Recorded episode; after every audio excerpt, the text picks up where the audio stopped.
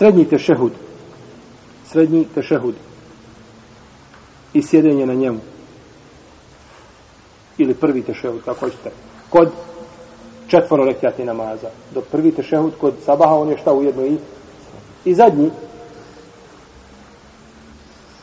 Jer rekao poslanik Salasaleme, potom kaže sjedni dok, uh, dok se potpuno, na sredini namaza, dok se potpuno ne smiješ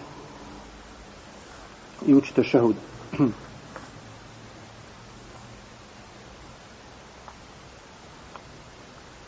Zašto ne možemo kazati da je srednji tešehud isto tako rukni? Kad smo kazali zadnji da je rukni, a tešehud je šta? Isti. Zašto kažemo zadnji da je rukna, a prvi da nije rukni? Ko zna odgovor? Hvala. Zove salama. Ako si zastavi ovaj krvi, možete na domu stavi svjetlo, a ovaj zadnji...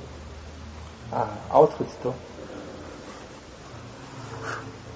Molim? Zato što je uvijek neko od versova da je... Zato što je ovaj učin. Ti si pokucao. Pa za ovaj... Ima neko da će- Ima argument da se ne smije. Ovaj... Mora se odmah... Vas dvojica skupa, da jače gunete, otvorili bi.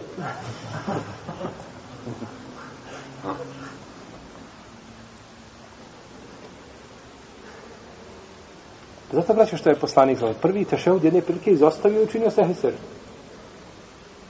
A? To je dokaz da prvi tešehud kad izostane da se može popraviti čime? Sehvi seždom. Može li se rukn popraviti sehvi seždom? Ne može. Znači nije rukn, nego je vađib. Dok je činio za njega sve seždom, je šta? Vađib. Pa ima dokaz da se da je poslanik zaklanjao i došao vjerodostojno predaj da je zaboravio, pa da je ustao odma, pa su sahabi ustali za njim, za njim. Pa je učinio se seždom prije selama. Dakle, imamo dokaz da prvi se, ako se izostavi, se može popraviti čime? Sve se što nemamo dokaz za drugi. Evo, dakle, nam je došla šta ta, ta razlika. Jesi.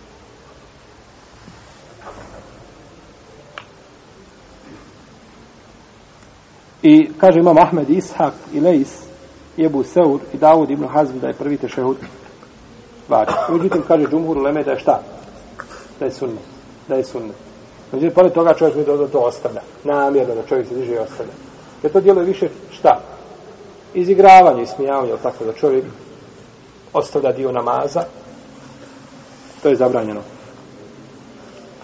Dakle, Džumhur Leme kaže da je sunnet.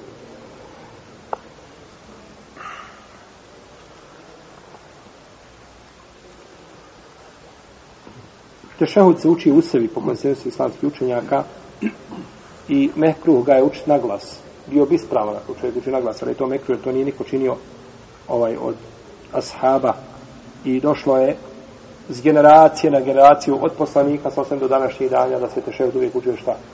U sebi nikada nije prešao da je to neko učio na glas, a ono što je došlo takvim putem i tako se prenosi kao da je mutevatir, kao da je došlo znači mutevatir predajama, tako da nije dozvoljeno tako da nije dozvoljeno učiti ga nego u sebi. Allah te.